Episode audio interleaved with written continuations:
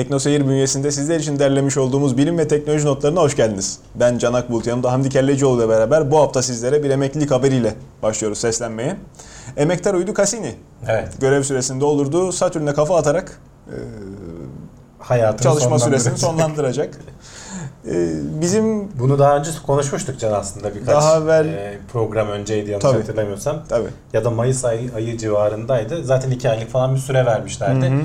Hatta Satürn'e çok yakın geçecekti işte artık İşte ömrünün sonunda olduğu belirli için. olmuş herhalde tam kararları. En, zaten Eylül'de bitecek deniyordu. Bir 20 tane falan manevra yapacaktı. Onlar tamamlandı. 15 Eylül'de e, Türkiye saatiyle 14 ya da 15 tam şu anda hatırlayamıyorum ama zaten gün boyu yayınlar olacak. Yani meraklıları takip etsinler sayı.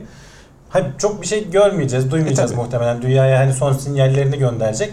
Satürn'e girerken işte atmosferinden girip ne kadar dayanabilirse Hı hı. son şey ölç, ölçümlerini dünyaya ula- ulaştıracak. Niye yok ediyorlar? Hani Yanlış mı biliyorum Hamdi abi? üzerindeki. Hatırladığım kadarıyla Satürn bir gaz devi. tabii. İçinde kara kütlesi yok İçinde zannediliyor. kütle var tahmin galiba. ediliyor. Hani çekirdeğinde bir miktar var ama hani büyük kısmı gazdan oluşuyor. Yani çekirdekteki de zannedersen plazma. Ya Yoğun olabilir, evet. e, Evet. basınç altında. Plazma haline Yani Yani katı şeyi yok. Katı şey yok. Evet. Hı hı. O nedenle işte gidebildiği kadar derine gidip Çok zaten fazla gidemeyecek muhtemelen zaten E, tabii. çok büyük olduğu için. tabii şans Ee, kısmet ama belki bir şey görür. Sonuçta şu ana kadar o tarz büyük kütlelere yaklaşan en yakın olan bir ne denir? Doğru. Sonda eskiden ufak tefek sondalar atılıyordu. Bizim Şimdi şu bayağı büyük bir şey atılacak alıp içine. başını da uzayın derinliğine giden ilk uydu hangisiydi? Pathfinder mıydı? Tabii. Voyager, Voyager. Voyager. Pathfinder'lar da gitti de Aha. geçen konuştuğumuz İlk, Voyager'lar. ilk şey Voyager'dı. Eh, biraz daha renkli bir son. Onları boşluğa Yani uğurlamıştık. sonu olmasının sebebi şu. eee, şimdi üzerindeki yakıt bitti. Daha fazla manevra yaptıramayacaklar. Eee, Satürn'ün etrafında dönen uydular var. Eee, belki hani içinde yaşam olabilme ihtimali işte bu eee, bir etrafı buz kaplı Enceladus vardı bir ara gene onu konuşmuştuk. Su fışkırtıyordu onun içinden geçmişti. Belki yaşam ihtimali var falan denmişti. Veya bir Titan var işte metan eee, denizi Vallahi aslında. doğru. Benim ilk gençliğimde hani bilim sevdasıyla okuduğum ansiklopedi ötesindeki e, yayın organlarından bilim teknikte işte televizyondaki belgesellerde en çok haşır neşir olduğumuz uydu Cassini. O yüzden bendeki yeri biraz farklı. İşte 20 yıldır falan görevini yapıyor. Artık bitirmek üzere. Ee, Magazinsel. dış e, Mars'tan ötedeki gezegenlerdeki ilk işte sondayı Huygens sondasını indirdi bir de e, Titan'a. Oraya inen ilk şey aslında bir yandan da hani öyle anahtar şeyleri de var. E, kilometre taşları da var Doğru. görev boyunca. Doğru. E, bir bakarız belki hani şimdi bu çakıldıktan sonra bir sonraki hafta belki hani Cassini'nin görevini anlatan ayrı belki bir program veya bir sonraki teknoloji notlarını ona daha fazla yer ayırırız. Sosyal medyanın güzelliği. vesaireden. Artık her şey hiç olmadığı kadar yakın, kolay prodüksiyonla ayağımıza seriliyor. Evet. E, bilgiler. Valla Araştırmak işte için çaba sarf etmeye şeye gerek yok. baksınlar. Ee, ben link paylaştım. NASA'nın hani Cassini'ye ayrılmış özel sayfası var. Orada ne zaman çarpacağının geri sayma şeyi bile var. Hani saati de var. Evet. Ee, NASA program yayınlanacak programlar da var. Ard arda hani 13'ü, 14'ü, 15'inde NASA her gün bir şeyler yayınlayacak. Ee, muhtemelen görevin ayrıntılarını vesairelerini işte bulunan şeyleri yaşanan olayları falan anlatacaklar. Şimdiki çocuklar, gençler şanslılar. Ee, biz zamanında dergi alıyorduk, aydan aya bekliyorduk ne olacak ne bitecek veya işte televizyonda denk gelirse bir belgesel o çok hoşumuza gidiyordu. Başında oturup dikkatle Devir izliyorduk. değişti tabii. Devir değişti. Ben şeyi hatırlıyorum. 2005 yılında o Huygens sondasının Titan'a indirilme anını hatırlıyorum. Ben o zaman Evet. izlemiştim. Evet, evet. Yani böyle gene internet yavaştı ama gene vardı. Hiç yoktan iyiydi. Takip edebiliyorduk yani şeyleri.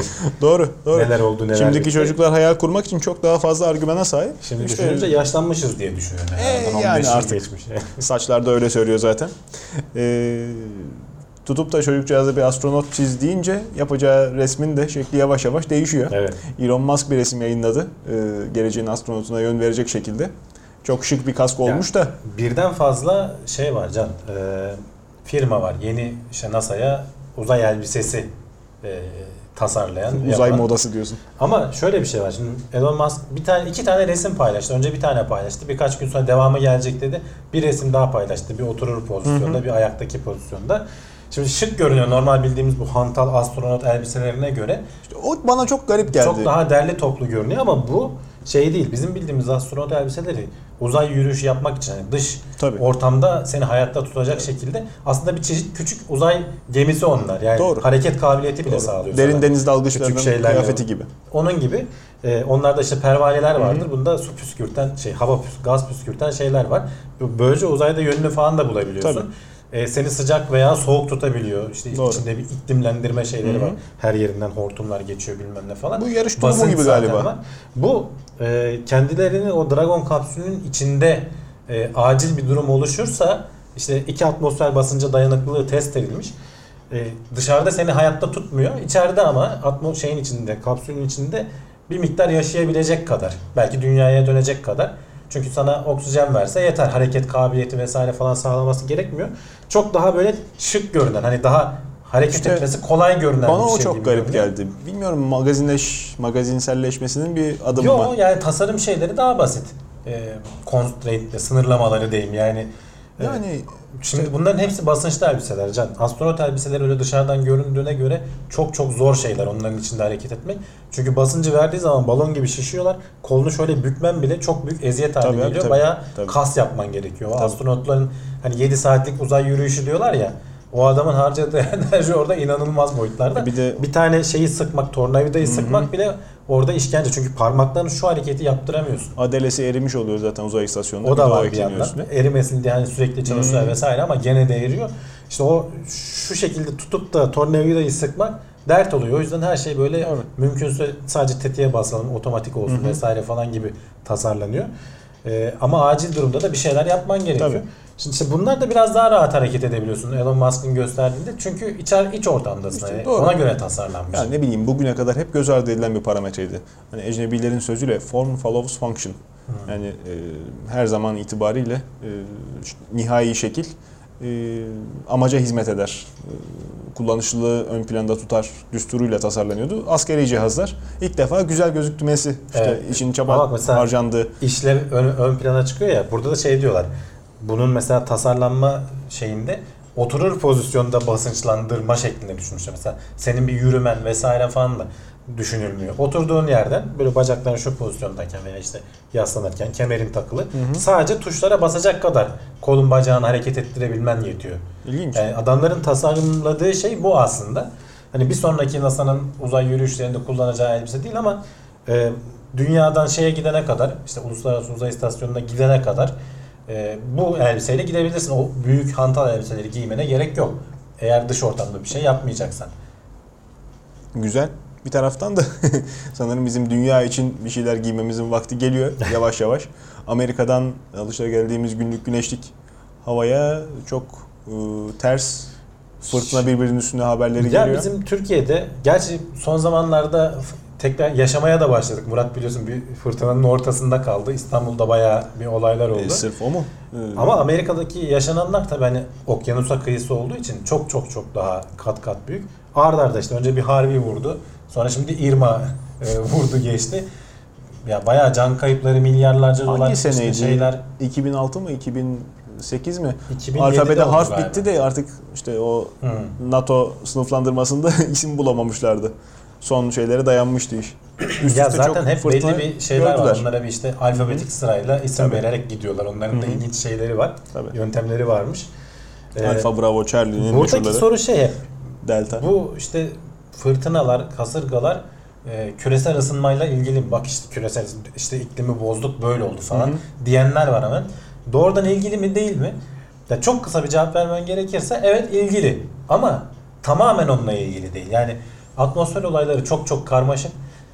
Sıcaklık arttığı zaman ki dünyanın hani ortalama sıcaklığı zaten 1 derece, 1,5 derece falan artmış durumda. Normal bizim işte 1800 yıllardaki ortalamalara göre. Ama bu bile e, burada mesela nasıl oluyor? Afrika kıtasından işte ısınan hava yavaş yavaş okyanusun da işte boş alanının Libya'dan etkisiyle- gelen çöl sıcakları diyorsun. Aynen. Bize işte sıcak getiriyor. O bir yandan da şeye gidiyor. Peki ya Balkanlardan gelen soğuk hava dalgası? İşte o bizi burada ya karla şey yapıyor, terbiye ediyor. İkisi buluşunca. İşte okyanustan sıcaklıkla vesaire de daha da beslenerek normalde beklenenden gene büyük kasırga olurdu diyorlar. Ama bu kadar büyük olmazdı diyorlar. Hani Florida'nın talihsizliği okyanus, e, daha doğrusu fırtınanın e, rüzgar hareketinin sıvıyla bütünleşmesi, havadan sıvıya geçmesi karada büyümesinden çok çok daha kolay. Çok daha Evet. uygun bir ortam sunuyor. İşte Tamamı tamamı engel vesaire falan Tabii. olmaması zaten. tamamı sıvı doğru tamamı sıvı gezegenlerde hiç bitmeyen fırtınalar var ya işte Jüpiter'in meşhur kırmızı lekesi gibi. Gaz devlerinde falan. Tabii. Yani benzeri bir etkiye maruz kalıyor Amerika. O şey toparlana toparlana geliyor. Türbülans en sonunda İşte karaya sıcaklık patlıyor. onun daha fazla topar, toparlanmasına neden oluyor. Artı e, daha fazla su kütlesi taşımasına hani Doğru. sonuçta sadece rüzgar değil bir de Tabii, sel tabii, tabii. Yapıyor yani geldiği yer öyle bir yağmur. Sel yağıyor, ki- doğru söylüyorsun. Sel yağıyor yani evet. Kovayla Daha fazla dökülür işte, gibi. Biliyorsun sıcak hava daha fazla şey taşıyabilir. Haklısın. Yani nem taşıyabilir. Karanın üstüne geldiği zaman o taşıyabileceği nemden kurtuluyor. Doğru. Taşıyamaz hale geliyor. Hepsini boşaltıyor işte. Ee, bu gene olacaktı ama ısınmasından dolayı daha etkilerini fazla hissediyoruz. Hani bir de tabii işte başka etkenler de var. Mesela işte okyanustan geçerken mesela dikine geçen rüzgarlar bu fırtınaların oluşmasının önünde engeller oluyormuş. Bu sene olmamış. Hmm. İşte başka yerlerde başka sistemler var. 10 yıllık döngüleri var onların. Onların hepsi bunun müsait olmasına ortam hazırlamış. Pek çok etken birleşmiş. Bunlar evet ama küresel ısınmanın da kesinlikle katkısı var. Şimdi ben bunu daha evvel de dile getirmiştim. Ee, kasaba kahvesine oturan işte elinde okey taşıyla e, lafa giren amca gibi e, belki bir bakış açısı ama o adamcağızın da haklı olduğu zamanlar var. İşte o Var. nadir zamanlardan bir tanesi. Ya bu küresel ısınma niye oluyor? Sırf bu küresel ısınma mıdır mevzu? Bizim arabamızın egzozundan çıkan duman mı? Çiftlik hayvanlarının e, gaz salmasından oluşan e, karbon monoksit fazlası mı? Bakıyoruz işte ilk patlatılan nükleer bombadan beri Yapılan resmi açıklamalar, yani devletlerin deklare ettiği 1700 küsür tane deneme var. Bunların çoğunu Amerika yapmış, bir kısmını Rusya yapmış, diğer büyük devletler denemişler Şey, falan. Kuzey Kore yapıyor bu arada. Ha, yapıyor, deniyor. Şimdi bunlar söylenmeyenler hariç rakamlar tabii bir o kadar da Gizliler e, gizlisi olduğu söyleniyor. Bir de bu e, lineer bir şey değil, tablo değil yani. Bugün işte atılan bir bomba, ilk bomba sanırım 15 kilotondu. Megaton ölçeğine çıktık. Hı hı. İşte Rusların en son denediği bildiğim kadarıyla çar bombası. Kuzey Kutup Dairesi'nin onların e, sürgün yeridir ya. Hı hı. O civarında e, patlatmışlar. Sibirya'nın kuzeydoğusunda. E, Norveç'te evlerin camı patlamış şiddetinden. Hı. Diyorlar ki biz prensibi icat ettik. E, prensibi denedik. Tam potansiyelini kullanmadık. Dünyaya kalıcı zarar vermemesi için. E, aferin. Ya işte onlar da artık şişinmek için mi yapıyorlar bunu yoksa Yapıyorsa bir gerçekten de öyle mi? yarısından çoğu yalan olsun, Hı. palavra olsun. Yine de problem bir durum. Şimdi fabrikanın bacasından bahsediyoruz. Burada egzozun düdüğünden bahsediyoruz. Öbür tarafta bu denemeler hiç tamamen sümen altı. Ya Bazı onlar için geçmiyor. çok çok daha büyük zaten inisiyatiflerin devreye girip şey yapması lazım. Sözde işte nükleer silahsızlanma var ama hani işte. Amerika ile Rusya ne kadar silahını imha Uzaylı mı gelip dur ki. diyecek. Kendi içimizde mutabakata İşte. varamıyoruz ki. Bu denemeler hasılı yani boşa gitmiyor. Uzaya sıkılmıyor bu atılan bombalar. Bizim kendi atmosferimizi deliyor. Bir işte soğuk savaş döneminde bir sürü e, Sovyet denemesi yapıldığından bahsediliyordu mesela. E, Amerika'nın casus uçaklarının uydularını düşürmek için atmosferin yüksek katmanlarında bomba patlatıldı. O meşhur ozon deliğinin de bu Hı. vesileyle oluştuğundan. Belki katkısı vardır yani Yani ama hani tamamı bundan oluşmuştur olduğunu ben zannetmiyorum. ama yani bunu da görmezden gelip Tabii, tabii. işte yok sıfır emisyonlu A plus enerji seviyesine sahip Değil, değil, beyaz değil. eşya alalım falan. Ya biz gene elimizde yapabilecek olduğumuz şeyleri yapalım da hani kendi tüketimimizi azaltalım vesaire Elbette de tabi tabi. bunlara da sıra gelsin. Tabi. Sonradan. Tabi tabi. Yani demek istediğim o. Har vurup parmağını savurmak kimseye yakışmıyor ama hani görmezden de gelmemek lazım. Belki en nihayetinde sözde de olsa bazı yerlerde etkili olan demokrasinin işlediği yerler var. İnsanoğlu sesini çıkardığında bir cevap alabiliyor. Yani bu şekilde de düşünmek belki faydalı olur. Öte yandan hep e, çevreden bahsetmeyelim. Bilim adamları daha kendi vücut sırrımızı yeni irdeliyorlar. DNA yapı taşları kalıcı olarak değiştirilmiş. Şöyle Can, sentetik bazları kullanmayı başarmışlar. Daha önce de başarmışlar ama bu sefer kalıcı olarak başarmışlar. Evet, bakteriye, evet. hani hep bilirsin adenin, sitozin, guanin, Timin, timin. guanin. Dört tanedir Bir bu de zaten. urasil. Urasil RNA ile ilgili biraz daha çok. DNA'nın temelinde bu dört yapı taşı var. Dünya üzerindeki bütün Biyolojiden canlılarda bu var. aldım. Dünya üzerindeki bütün canlılar bu dört bazı kullanıyor. Doğru. İki tane daha buna X ve Y ismini verdikleri baz eklemişler ve DNA'nın yapısını değiştirmişler. Bunu 2014 yılında yapmışlar ama sonra zamanla bakteri eski DNA'larına geri dönmüş, Tabii. tamir etmiş aslında evet. Şimdi ama hücrenin yapısındaki işte o DNA sentezleme vesaire yapısında da bazı şeyleri değiştirerek bunun kalıcı olmasını sağlamışlar. Tam anlamıyla bir yapay canlı aslında. Dünyada olmayan, eyvallah, doğru. olmaması gereken bir canlı Şimdi türü ortaya olmaması gereken deyince- bir şey. İşte senin yaptığın bir şey. Alien gibi. Olmayan bir şey yani aslında. tamam. Bakteri evet yani tek hücreli canlı. tamam. Henüz zaten kendileri de diyorlar çok hücreli canlılara vesaireye falan geçmek için çok uzağız diyorlar o işlerin. Ama, bu bile bunların- imkansız say- sayılıyordu. Tabii imkansız sayılıyordu. Onların sonunda bunun elinde bize ne geçecek? Mesela şimdiye kadar bu. DNA'nın sınırlamalarından dolayı yeşil havucu kendin şeyinle de yaparsın. Yani DNA'larla da yaparsın. Burada bazı mesela sentezleyemediğim protein çeşitleri. Belki işte e, bazı aşıları Gerçek bulmak için- Milka ineği. Ya belki yani e, Aşı. şeyler Esasında e, bahsettiğim... bazı üreteceğin mesela hani mesela şimdi artık bakterilerden vesaireden falan çok güçlü iplikçikler vesaireler Doğru, falan doğru. üretiyoruz ya. Belki işte hazır etler Hı hı. vesaire falan İşte. üretiyoruz ya. Belki onlarda da kullanabiliriz diyorlar adamlar. Doğru. Çünkü sonuçta sen e, canlılığın en temel Hmm. noktasına artık mühendislikle değiştirebilir hale Doğru. geliyorsun. Zaten genetik deli gibi ilerliyor şu anda. Esasında işte senin söylediğin demin e, bakterinin kendini onarması fonksiyonu bildiğim kadarıyla kanserle mücadele konusunda da bizim vücudumuzda Tabii, tabii. sürekli yinelenen bir şey. Yani zaten DNA'nın bizim o- yapısının bozulması bildiğim kadarıyla çok ilkel tabii bu söylediğim şey. E, kansere sebep oluyor, şeyi değiştiriyor. E, hücre Şimdi bölünmesini. DNA'nın ikili fıtratını yapıda olması da kendine aslında bir çeşit koruma mekanizması. Doğru. Hani bir tarafı zarar görürse Hı hı. öteki tarafın karşısına kopyalıyor, tek doğru. bir şey geliyor. Kopyalıyor kendini. Veya kopyalama esnasında işte Hı hı. ikiye ayrılıyor falan. Bir tarafı ötekinden kopyalanıyor falan filan. Kendini korumak için aslında o çift sarmallı yapıya sahip. Evet. Ee, ya işte bu işte mor ötesi ışınlar veya ne bileyim başka serbest radikaller denilen bazı maddeler falan DNA'ya zarar veriyor. Bu da hücrenin bozulmasına, yoldan çıkmasına tam anlamıyla e, delirmesine neden oluyor. Aşırı derecede e, bölünmeye başlıyor. Kanser dediğinde bu zaten her Evet, yere yayılmaya evet. başlıyor. E, kontrol edilemez bir şekilde. Çünkü bizim hücrelerin içinde şey var. Kendini imha et mekanizması var. Belli Hı hı. bir yaşa, belli bir zamana, yaşlılığa ulaştığı zaman imha ediyor kendini. Tabii. İşte o çalışmamaya Dinden başlıyor. imandan çıkınca bu sefer diğer organları bastırıyor. İşte bağışıklık sistemin elinden geleni yapıyor. Zaten bir yandan hani yoldan çıkanları hizaya getiriyor, yok ediyor. E, getiremediği zaman kanser oluyor işte. E, bunların zaten şimdi bu yöntemlerle e, o işin nasıl kontrol edebiliriz tabii, vesaire. anahtarlarından bir tanesi de bu. olacak. Doğru. Doğru. Ama hani buradaki önemli olan nokta tamamen farklı yani suni bir baz çiftinin de normal DNA'nın içine entegre edilip yapay bir varlık oluyor artık o yani doğada bulunan bir şey olmuyor. Yani doğada olan bir şeyi değiştirmiyorsun sen ona ek yapıyorsun farklı Hı hı. bir şey yapıyorsun. Önemli bir gelişme. Çok ciddi çalışmalar yapıldı geçmişte. Tabiattaki diğer hayvanlardan işte en meşhuru da e, karanlıkta parlayan farelerdi veya Evet. hayvanat haşerat. Ya onlar hani Deniz anasının proteinini alıp başka tabii, bir şey. tabii, Mesela hani tabii. ağaçları aşılamak vardır ya.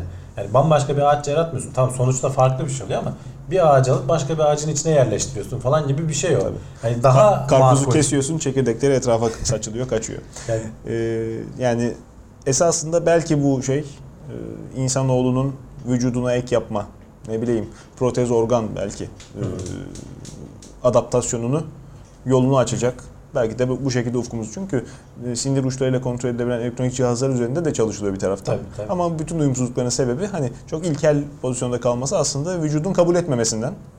Yani e, daha organik, can pek çok biyonik, alanda karışık e, şeyler tasarlayıp işte pek çok alanda çiplerle böyle daha entegrasyon belki mümkün 8 olur. koldan hani 4 kolda değil 8-10 koldan ilerleyen şeyler var. Genetik bir yandan ilerliyor işte böyle ilginç işlere girişiyor. Evet. Nanoteknoloji bir yandan ilgileniyor. Hı hı. Böyle değişik şeyler oluyor.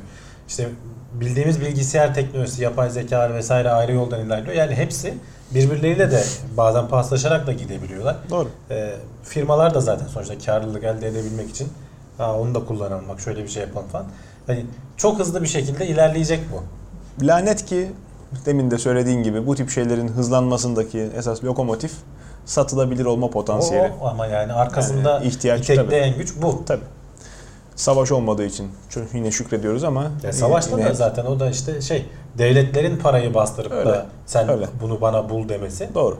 Doğru. Savaş olmadığı zaman devlet Veya o kadar parayı bastır- bastırmıyor. parayı bastırmazsa Ya da. evet yani. O yüzden şimdi işte satılabilir şeyler belki dediğimiz gibi vücuda entegre gadget mı diyelim tam Türkçesi nedir? Oyuncaklar, Araçlar, cihazlar, Ha, aygıtlar.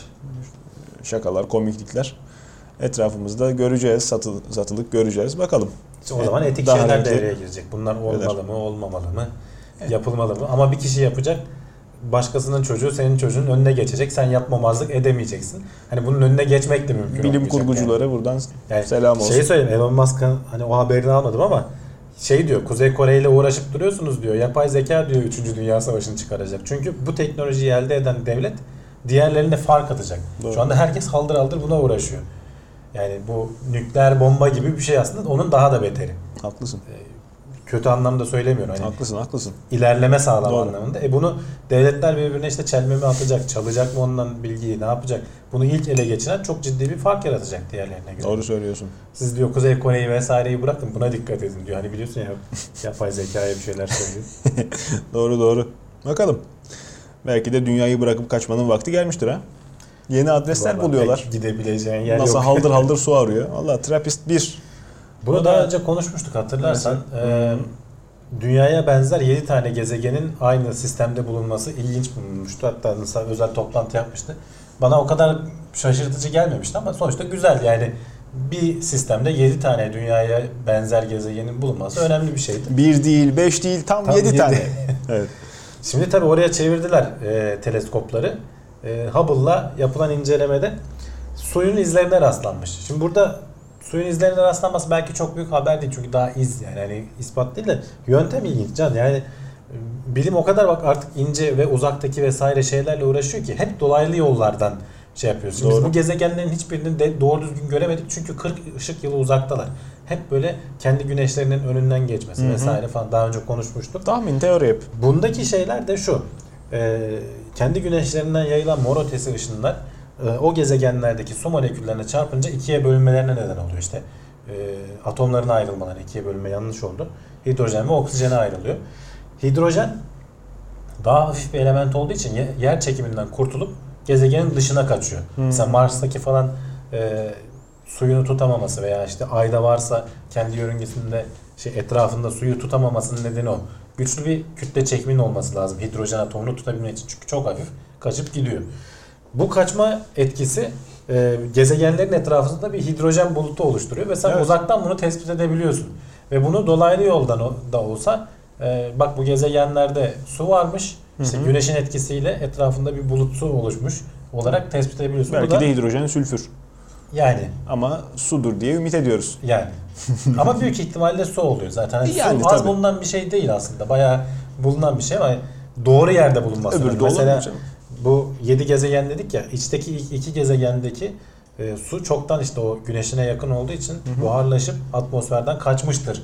Ama dıştaki gezegenlerde hala e, şey su olma, şey, sıvı halde veya donmuş halde su olma ihtimali olacağı söyleniyor. Ha dersen ki bunlar bizim ne işimize yarayacak? Pek bir işimize yaramayacak. Ben sadece şey için bu haberi aldım. İlginç yani bu dolaylı bulma şeklini hani bilim Doğru. dediğin şey her şeyi böyle direkt net bulamıyorsun. Bazen farklı farklı yollardan çıkarımlar yapman gerekiyor. Bu, bu da o yöntemlerden biri. Sorun çözme yeteneğinin üst düzey örneklerinden Artık o noktaya geldik. Yani E, tabii. insanlık dediğin şu an bilimin uğraştığı şeyler doğrudan e, gözlemleyebildiğimiz şeyler değil. Hep dolaylı çıkarsamalarla işte kütle çekimsel dalgalar da öyle. E, ne bileyim işte bu suyun bulunması işte 40 ışık yılı uzaktaki bir gezegende o da öyle. Bilim adamının niteliği değişiyor sanki. Hamdi abi eskiden daha laboratuvardan çıkmayan, hep e, lam lamel arasında gözlemlerini sıkıştırmış, notlar alan, kuramlar üzerinde kafa yoran adamlar görüyorduk. Hı. Şimdi artık daha şair gibi efendime söyleyeyim, roman yazarı gibi, Ya şey hikaye e, kurgulayan, daha farklı yöntem düşünen, özgür düşünen insanlar Ya ama şey bilim adamı. Can. Şimdi bir dönem bir uzmanlaşma dalgası geldi. Belli konulara çok uzmanlaşan adamlar Hı hı. ön plana çıktılar. Şimdi diyorlar ki uzmanlık yetmiyor. Veya tek kişi için yetmiyor. İşte E, birden fazla ekip kurman gerekiyor. Yani artık bir kişinin bulabileceği böyle e, zaten dikkat edersen Nobel ödülleri falan hep ikişer üçer kişiye veriyorsun. Aziz Sancar'la birlikte iki kişi daha aldı. aynı. Doğru. Ekip halinde aldılar tabii, tabii. yani. Çünkü tek başına yapabileceğin şeyleri karmaşıklığı geçtik artık. Ama sen bünyende birden fazla kolda mesela işte bir yandan müzikle ilgileniyorsundur, bir yandan işte bilimin bir dalına ilgileniyorsundur, bir yandan işte arabaları seviyorsundur. Bunları bazen birbirleriyle etkileşime sokabiliyorsun. Hani orada gördüğün bir şey sana ilham verebiliyor. Elbette. Evet. Elbette. Çok yönlü olmanın avantajları var yani bu konuda. Bakalım. Ama tabii her şeyde zamanın yetmiyor bir yandan da öyle bir şey var. E, o yüzden ortaklar buluyorsun. Senin boşluğunu dolduracak başka alandaki uzman kişiler. Şimdi- Beraber çalışıyorsun. biz bu programı çekerken daha doğrusu e, yayınlandığı tarih itibariyle henüz okullar tam açılmış olmayacak galiba. Yok. İlk okullar mı başlamış oldu? İlkokullar evet bir Hı, alıştırma erken haftasındalar galiba. İşte okula başlayan e, kardeşlerimize de istikamet çizme arefesindelerse bu vesileyle bir ilham buketi sunmuş olalım inşallah. erken. E işte erkenden adım atmak faydalı. Aksi takdirde oturur kaldırım mühendisi olurlar. 1982'den beri yapılmamış bir espri miydi? Aflarına sığınaraktan yenilemiş olalım. Bir diğer ilkel e, antik haberle devam edelim madem. 3700 yıllık bir tablet Hamdi abi. Evet. Bilinen matematik tarihine tersten bakmamıza sebep oluyor galiba. Ya Bir bazı şeyler için çok mu erken konuşuyoruz? Ee, Yo yani elimizdeki verilerle konuşuyoruz. E, tabii. Ama yeni bir bulgu bulduğun zaman değiştiriyorsun. Bilimin Hoppa, mantığı bu zaten. Tarih kitabı yeniden yazılacak. Ee, şimdi trigonometriyi hani antik Yunanlıların Hı hı. bulduğu işte milattan önce 100 Pisagor. 200 yılı Hipparchus diye biri bulduğu Hı hı. söyleniyor. Pisagor herhalde ondan sonra geliyor. Sonradır. Ee, ama şimdi işte Babil'de bulunan bir tablet 3700 yıl öncesine yani ondan 1000 yıl öncesine Hı hı. hatta 1500 yıl öncesine tarihleniyor. Ve bu tabletin üzerinde trigonometrik hesaplamalar var. Ee, Adamlar asma bahçesini boşuna yapmamışlar. yani Tesadüfen diyorlar ki yapmamışlar. zaten 60'lık bir sayı düzeni gibi çok garip bir sayıları var can.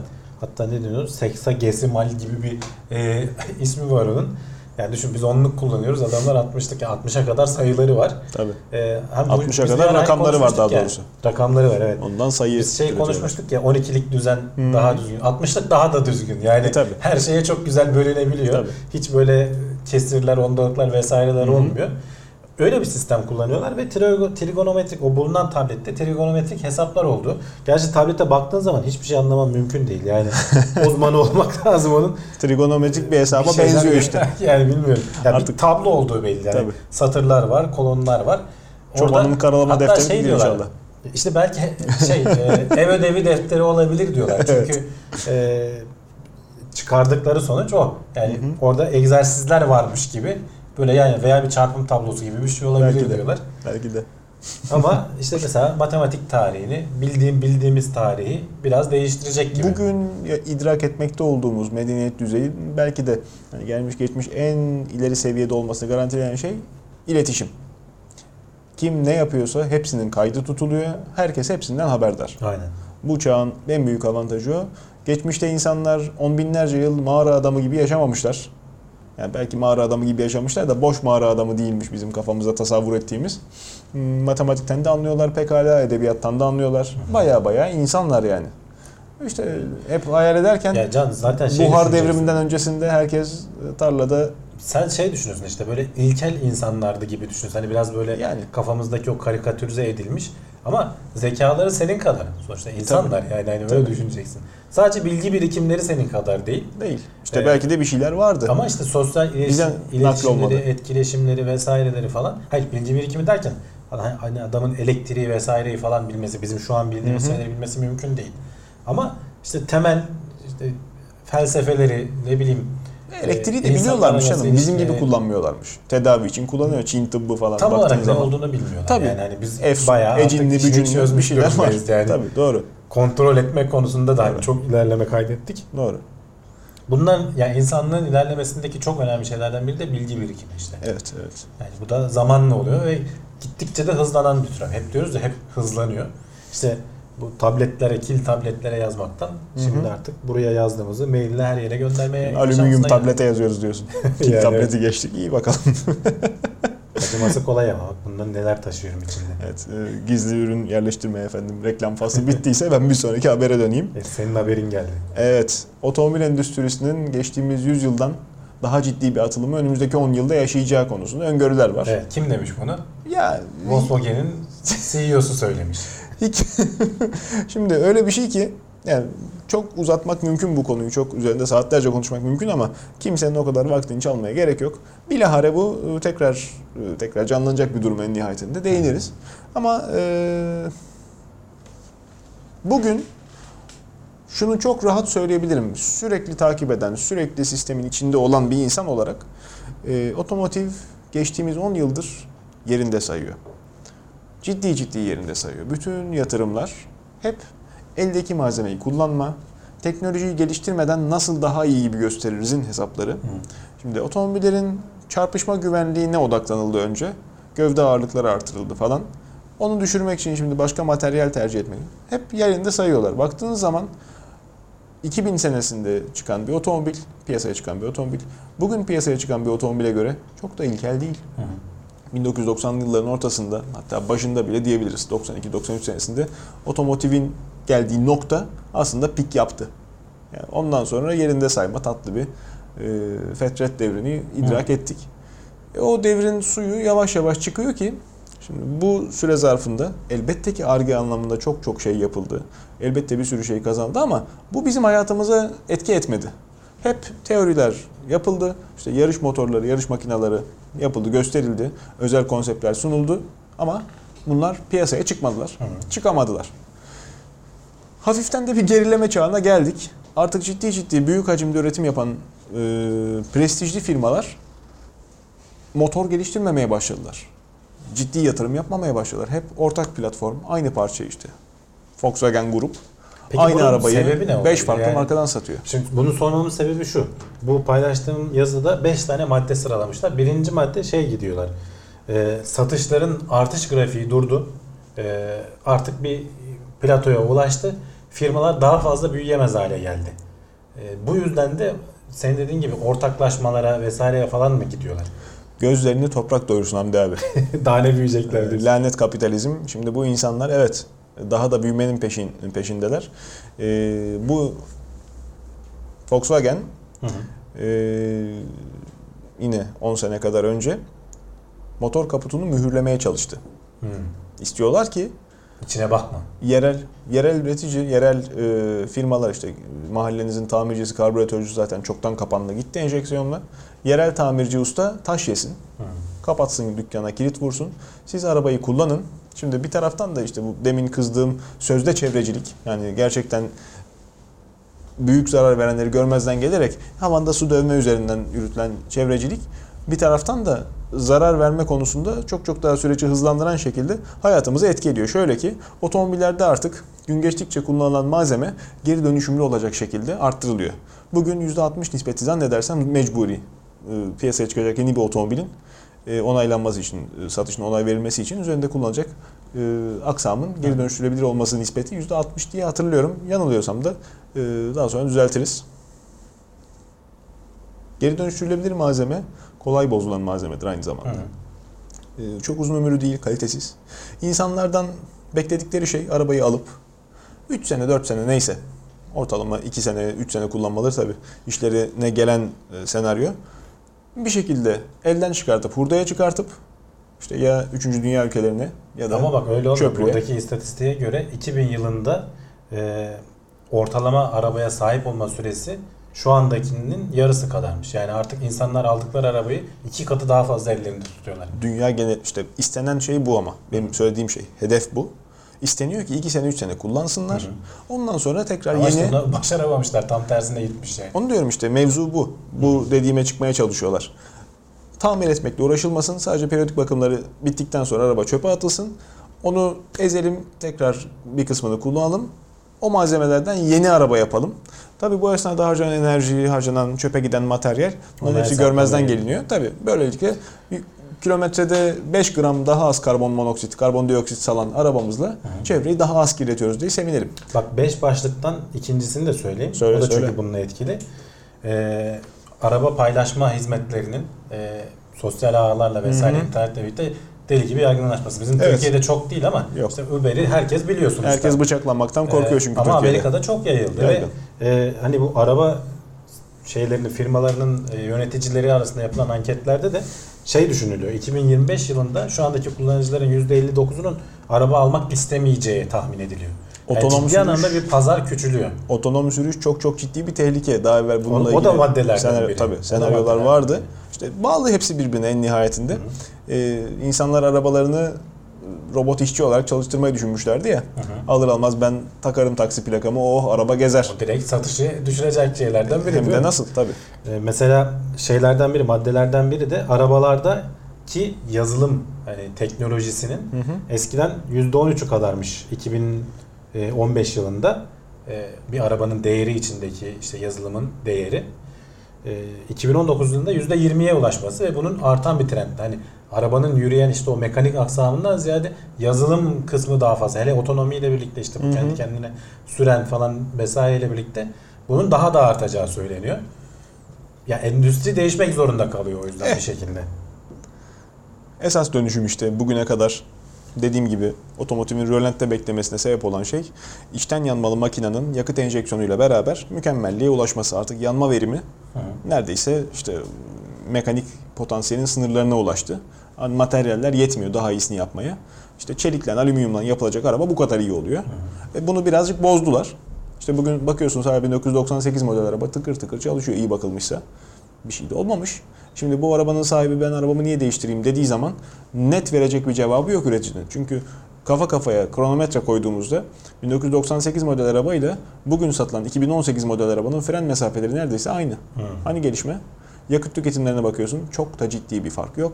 Hızlanma kabiliyetine bakıyorsun 98 model araba daha iyi. Bakıyorsun kabinde kullanılan Daha malzemeleri çok işçi yakıyordur ama herhalde artık yakıt tüketimi. e, birazcık daha fazla yakıyor ama e, kıyasladığında bakım maliyetleri daha düşük. Sarf malzemeleri bir motor atmosferik, motor turbo şarjlı. Birinde iki, e, diğerinin iki misli kadar hareketli İşte parça bunu var. tehdit eden şeylerden şeyler biri var. bu elektrikli arabaların falan biraz Heh. işte böyle içten yanmalı Tabii. motoru tehdit etmesi falan. O da İşte- çünkü maddelerden Bak biri. Bu içten yanmalı motor değil tehdit biri. edilen şey Hamdi abi. Bu sıklıkla yapılan bir hata. Çeviri hatası gibi aslında. Tehdit edilen şey fosil yakıt. Hı. İçten yanmalı motor ölmeyecek. İçten yanmalı motor hidrojen yakarak varlığını sürdürecek. Çünkü buna yatırım hala devam ediyor ama bir taraftan büyük üreticiler üretim bantlarını değiştirmek zorundalar. Çünkü hali hazırda hidrojen yakacak makinelerle beraber elektrikli itki e, işte fuel cell denen yakıt pilli tertibatın da entegrasyonu zorunlu otomotive. İşte Buna fon aktarmak üzere bir fetret devri yaşıyoruz. Bakınca piyasaya çıkan arabalarda hiçbir dişe dokunur yenilik yok. Bende heyecan uyandırmıyor yeni çıkan modeller. Hep birbirinin aynısı kompakt otomobiller. Hep işte benzer teknolojiler, benzer sürüş karakterleri.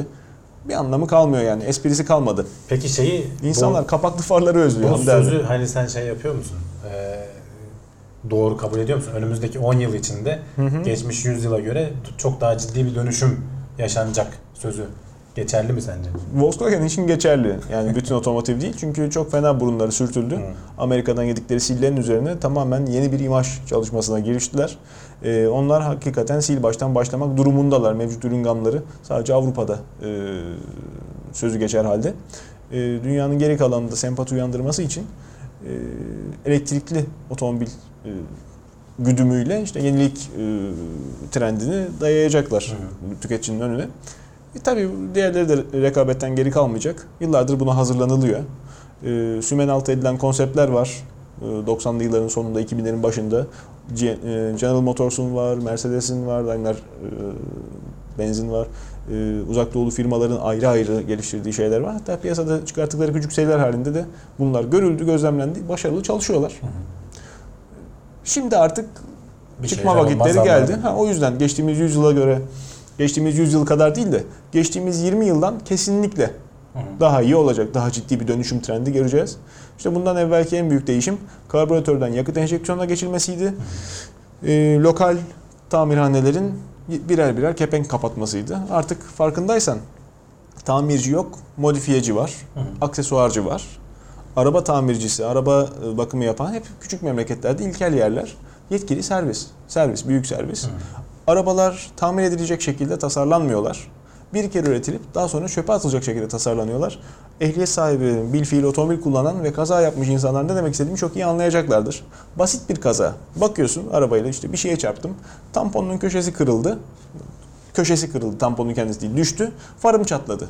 Bir fatura geliyor 6 bin lira 7 bin lira. Niye? Çünkü tamponu oradan çıkartıp da işte yaparken bir tarafın parçası kırılıyor. Onu vidayla sökemiyorsun çünkü dişle oturtulmuş yerine. Kırılıyor. E, değiştir. Farın köşesi kırıldı. Değiştir. Tamir şansı yok. Hı, Bakın, tabii bakınca bir taraftan yaya güvenliği, işte çevrecilik daha hafif olsun diye öne sürülen şeyler var ama arabanın tamir edilebilir olması istenmiyor. Çöpe atılsın, geri dönüştürülsün isteniyor. O yüzden klasik otomobiller hep işte 60'lı 70'li yılların, 80'li yılların arabaları olacak. Daha sonrasında çıkan arabalar klasik olamayacak. Olamayacak. Onu sen söylüyorsun evet. Evet. Yani bugün alacağınız herhangi markanın herhangi arabası maalesef 30 sene sonra bugün 30 yaşındaki arabalardan çok daha yıpranmış, çok daha ciddi bozulmaya uğramış olacak. Geri dönüşümlü malzemeler sağ olsun. Evet. Yani e, otomobil severler üzülüyor, üzülüyoruz. Yapacak bir şey yok. Yapacak bir şey yok. Bakalım. Ben bu arada otonom sürüşün yaygınlaşmasında motosikletin e, kayda değer bir engel olduğunu düşünüyorum. Hı. Yani bu hesaplamalar, planlamalar yapılırken trafik modellemelerinde hiç motosiklet görmüyoruz. İki tekerlekli bir şeyden bahsedilmiyor. Onlar da trafikte varlar. Hani- Şey de vardır ya yani Varlıklarını sürdürecekler. hani Google'ın falan yaptığı şeylerde ne denir simülasyonlarda vardır. Zaten gerçek yolda da çıkıp İşte yani yapıyorlar. Hani orada illaki iki tekerlekli Kend- şey. kendi kendine giden bisikletçilere falan e, hani motosiklet örneğini görmedim de bisiklet örneğini Hı hı. dikkate alıp da ona göre hareket ettiğinin demosunu izlemiştim. ben. doğru. İşte gelişmiş memleketlerde yaygın kullanılıyor. Hı Kendi kendine giden motosikleti de kimsenin isteyeceğini zannetmiyorum. Keyif olmaz. Sürücüsüz motosikletin. Aslında olabilir. Niye olmasın yani? Hayır üstünde hiç adam yok. Öyle gidiyor hava. Hayır sen sadece şey olacaksın böyle motorun tam böyle keyfini çıkaracaksın. Ve de daha güvenli olursa bilmiyorum ben düşünebilirim yani. eh bakalım. Çünkü kendin sonuçta hani o viraja ne hızla gireceğinden emin olamayabiliyorsun. Bazen hata yaparsan sonuçları katlanılması zor yani. Makineye ne kadar güvenirsin? Ya insandan çok güvenirim Can. Yani o Bindin motoruna, motor freni geç sıktı, kaydın. işte tamam o, o olmayacak işte. Onu Bacağını diyorum. kırdın. Zaten adamların Eh. söyledikleri o. İstatistikler de o yönde görünüyor. Yine de her sensörün ömrü var. E, orası Ben o öyle. kadar güvenmem. En nihayetinde kul Ayrıca yapısı. insanlar da öyle. Senin gibi düşünüyorlar da görülecek muhtemelen bunun gerçekten böyle olacağı. İnsanoğlunun saçmaladığı anlar var. İşte Almancı 1500 kilometre yol yapıyor. Gözlerinin altı mor torba olmuş da mola vermeden köyüme yetişeyim diyor. Uyuyor, sapıtıyor, dağıtıyor ortalığı. Veya adamcağız Aslında ihtiyar. Onlar daha çok işte kazaların çok büyük bir kısmı ondan kaynaklanıyor. içi geç. İnsanoğlunun kafası çalışırken gayet iyi iş yapıyor da işte bu otomobilin ihtiyaç olduğu anlarda bazen full kondisyonda olmuyoruz. Ya kafası iyi çalışırken olmuyoruz. de iş yapamabiliyor canım. Bazen kafa Ya karışıyor. Allah o Sen kadar vermiş, şeyi doğru söylüyorsun. izledin mi bilmiyorum. Bazı Hani insanlar- otomobilden biraz çıkıyoruz gerçi de uçak kazası raporları vardır National Geographic'te. Orada Evet. benim izlediğim ve dikkatimi çeken şeylerden biri ters bir şey olduğu zaman pilot hep şey oluyor. Ya kumanda bozuldu. Hani bu böyle olmamalı diyor. Doğru. Halbuki kendisi aslında algısı bozulmuş. Gidiyor daha çakıyor uçağı. Hı hı. Yani aslında şeye güvense, göstergelere güvense. Hı hı. Sen dedin yani göstergelerin de bir ömrü var. İşte o ömür bazen insanın hata yapmasından uzun olabiliyor. Doğru söylüyorsun. Yani- Doğru söylüyorsun. Ona dikkat etmek lazım. Doğru. Ego yönetimi Yani işte önemli bir şey. insanın hata yapmaya bayağı meyilli Hele, bir şey hele var ki aslında. pilotlar için önemli bir. İşte bir de işte havada tabii şeyin şaşıyor. Artık iyice feleğin şaşıyor yani nereye gidiyorum ben oluyorsun. doğru doğru. Hele sis mis Doğru. vesaire veya karanlıksa yandın E, işte yani. bir şekilde kondisyonumuzu korumamız lazım. İşte otonom cihazlar etrafımızı donatıp da bize yardım edene kadar sağlıklı beslenmemiz lazım. Evet. Ee, ne diyordu ünlü bir e, doktor hanım e, televizyondan tavsiye verirken şeker zehirdir mi diyordu. evet. İşte onun için Coca-Cola da çalışmalarını başlatmış. Zaten Evet. uzun zamandır vardı can aslında. Ya işte daha dramatize Diyor ki etmişler. şeker yerine aynı tadı veren, hani aynı hissi veren bir molekül ne bulursanız Hmm. bulun bize. Size 1 milyon dolar ödül vereceğiz. Da 1 milyon dolar çok komik bir rakam. Yani ben bunu bulsam Bulsan sana vereceğim ve kendim yani. oturur çatır çatır yerim diyorsun. Hayır, yani Ağzımın tadı şöyle yiyor. söyleyeyim. O işte asitli içecek veya işte meşrubat Tabii. şeyi dünya çapında trilyon dolarlık Tabii, tabii, tabii. sektör. Yani Tabii. ben ona şekerin İşte yerine diyorum ya. geçecek. İşte şimdi kendileri de uğraşıyorlar. Yok işte aspartam kullanıyorlar. Stevia var galiba. kullanıyorlar. Çok. Stevia'nın bir tadı var. O böyle limonumsu Hmm. şeylerde içeceklerde oluyor da kolada olmuyormuş. Bak şu da bir şey. Ee, daha evvel ispat edilmişti. İnsanoğlu bazen çocuklar şeyler merak eder, akıllara takılır. Lan ben şimdi bunu kırmızı görüyorum. Sen de acaba böyle mi görüyorsun? Hı. Yani kırmızı hepimiz aynı kırmızı mı? Onun kırmızı olduğu ispat edildi. Renk körü değilsen hepimiz Aşağı her rengi aynı görüyoruz. aynı görüyoruz. 3 aşağı 5 yukarı diyelim. Kadınlar bazen daha iyi görüyor renkleri Evet. falan. Ama tat ve koku algısı tamamen genetik. Sen şimdi mesela Doğru. dersen ki ben bamya sevmem. Ben de desem ki aa bamya sevilmez mi? Ne kadar lezzetlidir. Hele zeytinyağlısı mis gibi olur. Bu tamamen ayağa yere basmayan bir tartışma olacak. Çünkü benim aldığım bamya lezzetiyle senin aldığın bamyadan tat aynı değil. Değil. O ispat edildi. Genetik faktörler var iş içinde. Ama şeker mesela bütün insanlık için hani sonuçta sevilen bir şey. yani. Cezbedici bir şey ama Kolanın içinde bu kadar Bak. olmasının sebebi de o aslında. şekerin ayrımı. Kolanın şekersiz neydi? Zero. Zero. Ha, Zero. Onu da kaldırdılar şimdi. Fazla markanın önüne E geçti. işte light kola diyelim. Hı. İşte light kola ile zero'nun farkını insanlar ayırt ediyordu bazı insanlar. Bazıları anlamıyorum ben Bazıları diyordu. anlamıyor. Kola ile Pepsi'nin farkını da anlamıyorlardı. En yakın rakibi ya sözde. Bazı insan anlıyor, bazı insan çok ciddi ayırt ediyor. Ağzımı yakıyor diye şeker. Bazısı diyor ki yok ben bunu daha çok seviyorum. O yüzden şeker alternatifini bulmak biraz garip.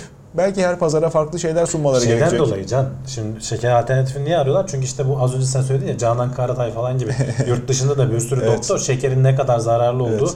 anlatılıyor. 2000'li yılların başına göre hani 15 yıl içinde %19 azalmış kola tüketimi veya iç- içecek tüketimi diyeyim. Gazlı içecek tüketimi. Tabii canım. Amerika'da E, bütün diyetisyenlerin bütün dünyada şey. zaten gidişat bu yönde. Şimdi firmalarda tabii uzun vadeli düşündükleri için bu hep böyle gidecek. Ne yapalım? İşte suya, sodaya vesaireye falan dönüyorlar. Hani böyle şekersiz şeylere dönüyorlar. Alkol katalım. İşte alkol o da Olmadı. olmaz. O da ona da yapacak. Eroin, şey esrar. Yani sadece kola da değil, Pepsi falan gibi. Yani diğer bu alandaki büyük firmalar da bunun peşindeler. Bazen deniyorlar işte aspartamlı içecekler. Hani böyle şekerimsi tat verip de gerçi tadı çok farklı olabiliyor işte senin dediğin gibi bazı kişilere göre. İşte bak Bazen aspart- ondan vazgeçiyorlar. Olmuyor ki tekrar geri dönüyorlar falan. aspartam da masum değil. Değil, Hakkında değil. çalışmalar var. Diğer yapay tatlandırıcılar için de tabii e, şey Değil, söz değil, konusu. Yani şeker alternatif olacak. Ya bunun çaresi çıkarsa Çin'den çıkar. Adamlar değil mi sentetik yumurta yaptılar da 20 kişi zehirlendi. o şekilde anlaşıldı. Kim daha önce kaç sene sattılar. sentetik yumurta nedir Allah aşkına? Ve gerçek Nasıl- yumurtadan nasıl daha ucuz. yapmışlar ya? İşte yaparsa Çinliler yapar. 1 milyon dolar da bir Çinli için herhalde iyi bir ödül olsa gerek. Para e, dünyanın her yerinde e, yüzleri güldüren birim ama e, dolar herhalde en güçlü para birimi açık ara. Yani dünyada Alternatifi çıkacak o. mı ne dersin? Şimdi Vallahi. kripto paralar üzerinde çalışılıyor. İşte şimdi kripto paralar ayrı. Hani o bir bitcoin falan e, efsanesi var. Geliyor gidiyor Hmm. işte fiyatı yükseliyor falan ama asıl mesele asıl hani teknoloji kısmı onun arkasında onu hayata geçiren o blockchain, o blok zinciri teknolojisi. Biz buna ayrı bir video çekmiştik. Onu izlesinler. Nasıl çalıştığını anlattığımız. Burada bana da bir küçük demonstrasyon yapar mısın? Şimdi kafası çalışmayan, ekonomiden çok anlamayan biri olarak hı. Ben hani minimal kendi bütçe yönetimim itibariyle banknot kendi kelime manasıyla banknote yani sana bankada şu kadar gram altının var Evet. senedi değil midir? Öyleydi eskiden. Şimdi ne? Şimdi hiçbir şey değil. Şimdi Ben bu o kadar altın mı altın da yok. Yani. O direkt e, bir para birimi Peki ben oluyor can parası bastım. Can parasını biz tanıdık kendi aramızda kullanıyoruz işte. Ee, bunun aksini ispatlayacak, bunun e, değerini tayin edecek kim var? Ne Kend- kadar değerli kendimiz olacağını. varız. Yani kim ona değer veriyorsa. Kripto paralar da böyle mi hazırlanıyor? Kripto paralar da öyle. Yani ona talep oldukça, bir şeye talep oldukça değer artar. Yani tamamen ona da dayalı. Yani Yani sen şimdi Hamdi dinarı yaptın diyelim. alakalı. İnternete saldın. Bu paranın kabul görmesi için nasıl bir parametre lazım? İnsanların güvenip alması lazım. Güven. Mesela dolar niye bu kadar şey yapıyor? Çünkü arkasında Amerika var. Türk lirası niye işte ki biz güveniyoruz? Çünkü arkasında Türkiye devleti var. Bitcoin'i zaten şey orada. E, anahtar nokta orada. Bunun arkasında kimse yok. E, ama bunun sağlanabilmesi için e, bazı teknolojiler lazım. Ona da yeni geldi insanlık işte. Bu kriptografi dediğimiz şey. Bilgisayar sistemi. Bunun bir yazılımı yazılmış, ortaya koyulmuş. Hepimiz onun güvenliğini sağlayan e, nodlardan biri oluyoruz. Bilgisayarlardan biri oluyoruz. Eyvallah. Sen onu alıp kurduğun zaman bütün internette onun muhasebe defterini tutuyorsun. Dağıtık dedikleri bu. Dağıtık yapı. Tamam. Yani bir tane banka, bir tane merkez bankası vesaire falan yok. Üst akıl yok internet yok. hepimiz. Bütün internet yani gönderdiğimiz para bütün internete yayılıyor. Ve bunu değiştirmen mümkün olmuyor. Adam işte kriptografik yöntemlerle bunun güvenliğini almış. Onun ayrıntısını dediğim gibi ayrı anlattık. Bayağı ayrıntılı bir konu. İşte o bir blok daha zinciri mantığını anlasınlar. Zincir dediğimiz işte zincirin bir halkası oluştuktan sonra geriye dönük bozamıyorsun. Yani bütün dünyada geçerli bir e, hesap defterin oluyor. Bildiğin Anladım, muhasebe anladım. defterin oluyor. Anladım. Şimdi bu sisteme işte biraz böyle şey gözüyle bakanlar var. Ya bunlar dolandırıcılık bilmem ne falan ama bak Saadet zinciri bu mi? haberin konusu o. 6 tane büyük banka hani İçinde işte Barclays var, Credit Suisse var, HSBC var. Hani bizim bildiğimiz isimleri sayıyorum. Diğer e, bizim bilmediğimiz ama finans çevrelerine e, bilen arkadaşların bildiği. bilmeye Zaten hani olan yetmediği. UBS diye bir banka hani bir hizmet, finans hizmeti bunu oluşturuyormuş. Bunlar da buna katılmışlar. Ya böyle bir ihtiyacımız var. Çünkü bu işi hızlandırıyor. Şimdiki sistemde işte bankalar arası bir merkeze gidiyor işte EFT merkezi işte şimdi sen bankadan bankaya para göndermek havale gibi olmuyor. Bankanın kendi içi gibi olmuyor. Doğru. Ama burada olacak. Çünkü bir tane sistem var ve bütün bankalar vesaireler ona ona bağlı. bağlı olacak. Tabii bu, bunlar muhtemelen kapalı değer olacak. Bir Bitcoin gibi değil. Bu yapan bankalar kendi aralarındaki e, para takasını vesaireyi falan düzenlemek için yapacaklar bunu. Bunu sen bu, bu blok zinciri olayını sadece para meselesi olarak da düşünme. Bunu işte yazılım dağıtmak için de kullanabiliyorsun. E, tapu kaydını tutmak için de kullanabiliyorsun. Her şey için kullanabiliyorsun. Anladım. Yani bu değiştirilemez dağınık haldeki bir yapının değiştirilemez olmasını güvence altına alan bir sistem. Yapay zeka yarın öbür gün sistemi ele geçirdiği zaman iyice savunmasız kalalım diye Ve o da bütün, değiştiremez. bütün finans Yani bir sürü not kurması lazım. Şeyini Hepsini dijital ele geçirmesi lazım. Hmm. Çünkü işte onun sistemin gücü orada. Ne kadar çok kişi kullanırsa o kadar güvenliği artıyor. kalpazanlığın önüne geçer mi bu? İşte geçiyor. Yani o kriptografik şeyi kırmak mümkün değil. Şu anki sistemlerle en azından. Zaten sistemler güçlendikçe şeyin zorluğu da artıyor. Çözmen gereken şeyin de zorluğu artıyor. Ne zaman olabilir hani riskli diyebileceğimiz şey belki bu kuantum bilgisayarlar falan vesaire deniyor ya. Şu anki sistemlerin çözemediği çok daha karmaşık problemleri Evet. çok hızlı çözebiliyor. Belki orada buna yönelik bir şey olabilirse bilmiyorum. Hani tamamen atıyorum şu anda. İşte o zaman bunlar O zaman da şifrelenir. ama ona da bir örnek bulun. O zaman da işte kuantum bilgisayarları zorlayacak başka Tabii, bir tabii. şifreleme sistemi çıkarsa. Tabii canım. Bir Bu zaman böyle. kim demişti bir disket bütün şirketin verilerini depolamaya yeter diye Bill Gates mi demişti? 1.44 megabayt. Ya, Hatırlayıp Bill Gates'in gülüyoruz. de benzer bir lafı vardı. O Yani. değildi galiba. 64 kilobayt herkese yeter gibi bir lafı vardı. Öyle talihsiz bir cümle çıkıvermiş ağızdan. Yani Ya, o devir için söylemiştir. Ha. Belki doğrudur da artık. bu tabii bugün değil. geçmiş e, tecrübelere dönüp bakınca hani bu gibi şeylerde kuantum bilgisayarların çözemeyeceği bir şifrenin oluşturulması hayal afaki gelmiyor. Değil değil tabii. Yani zamanında e, öyle başa böyle tıraş denir. Pekala. Bir taraftan işte e, sanal dünya üzerinden çalışmalar sürerken dünyanın da e, hala mevcut potansiyelini ne kadar yeterli kullanıyoruz, ne kadar e, istifade ediyoruzun peşinde bir grup bilim adamı. Yer çekiminin gücü Hı hı. sürekli israf olan, biz yere bastırıp Bu ama şöyle kullanılıyor. Yani bir arada tutan bir evet, kuvvet. Yani bizim Potansiyel enerji. Potansiyel enerjiyi işte. Ama buradaki mantık şu can. Hani şimdi biz e, şeyleri kullanıyoruz ya. Hep onu söylüyoruz işte çevreci yenilenebilir kaynaklar işte Hı hı. güneş enerjisi, rüzgar enerjisi. Ama bunlar düzenli değil. Değil, Mesela doğru. güneş enerjisi akşamları yok. İşte bunları neyle depolayabiliriz? Gündüz ihtiyacından fazla üretirsen ya pille depolayacaksın Evet. ya işte çok O da dönen kimyevi, hızlı dönen bir şey. diskler var biliyorsun. Doğru. O da bir yöntem. Hı hı. Jiroskop etkisiyle işte.